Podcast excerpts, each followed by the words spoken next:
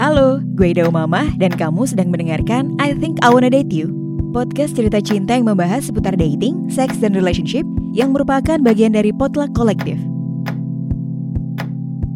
Menyadari daya tarik diri sendiri.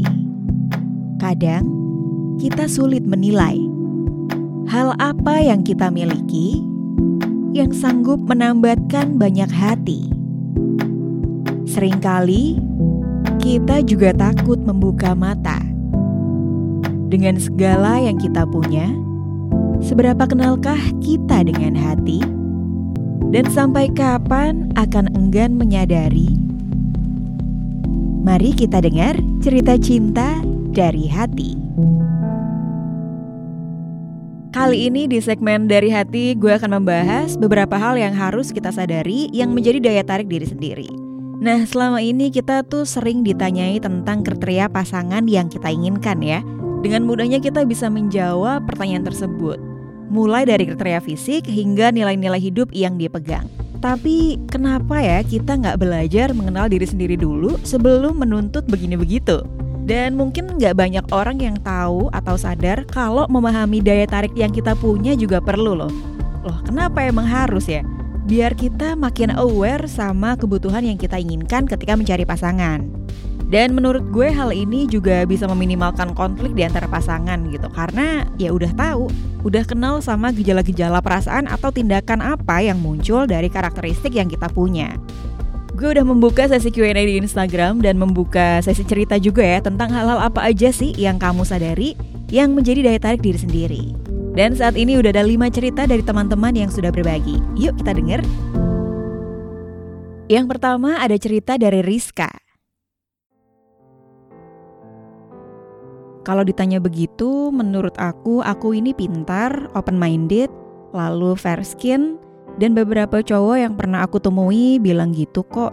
Bahkan ada yang bilang kalau aku ini paket lengkap karena bisa juga atau jago flirting and seducing.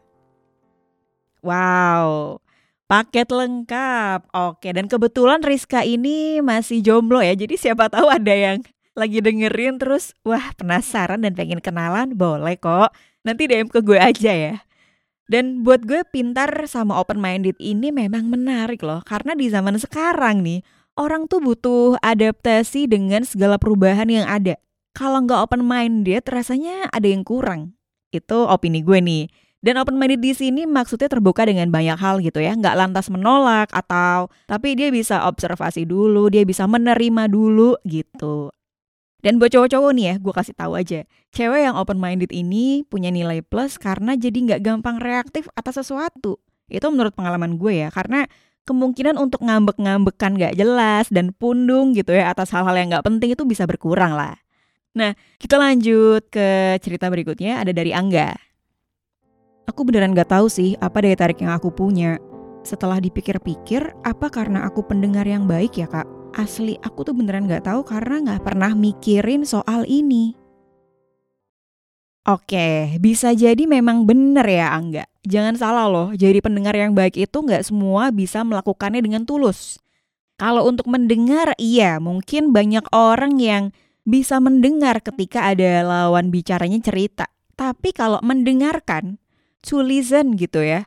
Dan gak asal jeplak gitu merespons ya butuh usaha sih menurut gue. Dan harus tulus dari hati gitu ya. Atau mungkin buat gue itu malah bare minimum ya. Ya lo harus bisa dengerin pasangan lo lah gitu. Ngapain kalau misalnya berpasangan tapi tidak saling menghargai dan tidak bisa jadi pendengar yang baik gitu kan? Oke next dulu nih ada cerita dari Dimas.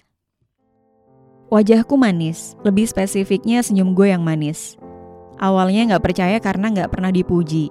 Dan sekalinya ada yang muji ya karena mereka mau one night stand sama gue aja. Cuma karena gak jarang juga dipuji begitu ya lama-lama gue jadi mikir iya kali ya gue manis. Dan gue jadi mikir orang-orang yang mau one night stand sama gue ini juga gak harus memuji gue loh supaya gue mau sama mereka.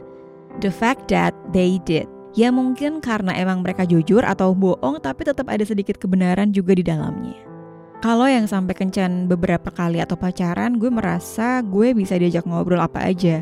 Dari yang serius Fafifu Waswesos ala SJW, sampai bercandaan receh dan berbagi meme. Oke, gue setuju nih ya sama Dimas karena kita tuh sering gak sadar kalau daya tarik kita berasal dari fisik atau hal yang kita lakukan. Sesimpel kalau senyumnya kelihatan manis gitu ya, atau kalau ngobrol nggak kelihatan jutek, welcome gitu, friendly gitu ya. Memang yang ngeliat orang lain sih dan kita nggak bisa merasakannya juga sampai ada orang yang bilang. Oke, kita lanjut dulu. Yang keempat ada dari Arina. Di balik muka yang jutek, katanya suara gue bagus kalau di Zoom atau telepon. Yang paling konyol adalah gue pernah dibilang mirip Suzana sama abang ojek. Gue sampai nanya balik, itu pujian apa bukan ya bang? Kata abang ojeknya, ya iya dong neng, Suzana kan cantik. Waktu itu gue gak ngerasa kepuji sih, tapi itu memorable banget. Nah, kadang bentuk pujian atau komentar positif dari orang lain itu punya banyak makna gitu ya kayak yang terjadi sama Arina ini dibilang cantik dan mirip Suzana. Di satu sisi pengen bersyukur ya, tapi mungkin di sisi lain kita jadi punya asosiasi tertentu gitu bahwa Suzana kan ya biasanya memerankan tokoh horor di film-film. Cuma ya nggak apa-apa, nggak perlu dimasukin ke hati banget. Yang penting apakah dengan pujian itu kita bisa lebih pede, bisa lebih baik dan mungkin jadi sering ngaca ya. Terus self talk gitu. Emang bener ya? gue cantiknya mirip Suzana ya gak sih gitu kan lumayan ya ada afirmasi dari diri sendiri yang bisa memicu um, aura-aura positif gitu well yang terakhir nih ada cerita dari Tanita. I am a lovable person. Cheerful caring manis keibuan berprinsip dan have a nice voice. Leo emang narsis ya. Kalau kata suami aku manja. Dan itu yang bikin dia suka. I'm born with that because I'm daddy's princess. Wah, sebuah poin yang berbeda dari Tanita ya di antara kelima cerita yang udah ada. Ternyata manja bisa jadi kekuatan dan malah jadi nilai plus karena pasangannya suka dengan karakter dia yang manja. Menurut gue memang tiap pasangan tuh punya apa ya kadar dan cara bahagianya masing-masing. Mungkin manja buat pasangan A itu menggelikan gitu, tapi buat pasangan B itu sebuah hal yang meningkatkan intimasi gitu kan. Malah jadi bumbu yang dibutuhkan biar hubungannya makin erat gitu. Ya, well, good for you and pasangan kamu ya, Tanita. Semoga selalu lengket sama pasangan dan selalu bahagia. Baiklah, cerita Tanita tadi mengakhiri perbincangan kita soal hal-hal yang menjadi daya tarik diri sendiri. Dan menurut gue seru ya ketika kita diminta menyadari daya tarik diri sendiri biasanya jauh lebih susah kayaknya dibanding menyadari daya tarik orang lain atau pasangan kita. Antara pengen bangga ke diri sendiri tapi kadang khawatir dibilang kepedean atau terlampau narsis gitu kan. Buat gue, self awareness, kenal sama diri sendiri ternyata juga berguna banget untuk set the standard. Sebelum kita pengen pasangan yang begini begitu, banyak kriteria, ya kudu tahu dulu apa value yang kita punya, uniqueness yang mau ditonjolin dari diri sendiri tuh apa sih gitu. Dan menariknya banyak cara loh untuk mengenal daya tarik diri sendiri. Cara paling sederhana yaitu dengan sering-sering menjawab pertanyaan tentang karakter atau pengembangan diri. Buat sebagian pengguna dating apps udah gak asing lah ya karena beberapa dating apps ada yang pertanyaannya segambreng sampai ribuan gitu ya. Lumayan bisa jadi salah satu latihan kenalan sama diri sendiri. Apa pun caranya asalkan bisa membantu kita memahami kita lebih dalam dan mengetahui apa daya tarik yang kita punya ya kenapa enggak. Dan yang paling penting menurut gue adalah belajar percaya diri dan belajar percaya dengan kemampuan diri sendiri. Apa yang melekat dalam diri kita gitu. Karena buat gue level percaya diri yang cukup akan bikin seseorang terlihat menarik di mata orang lain. Sekian dulu dari gue. Thank you buat teman-teman yang sudah menyimak.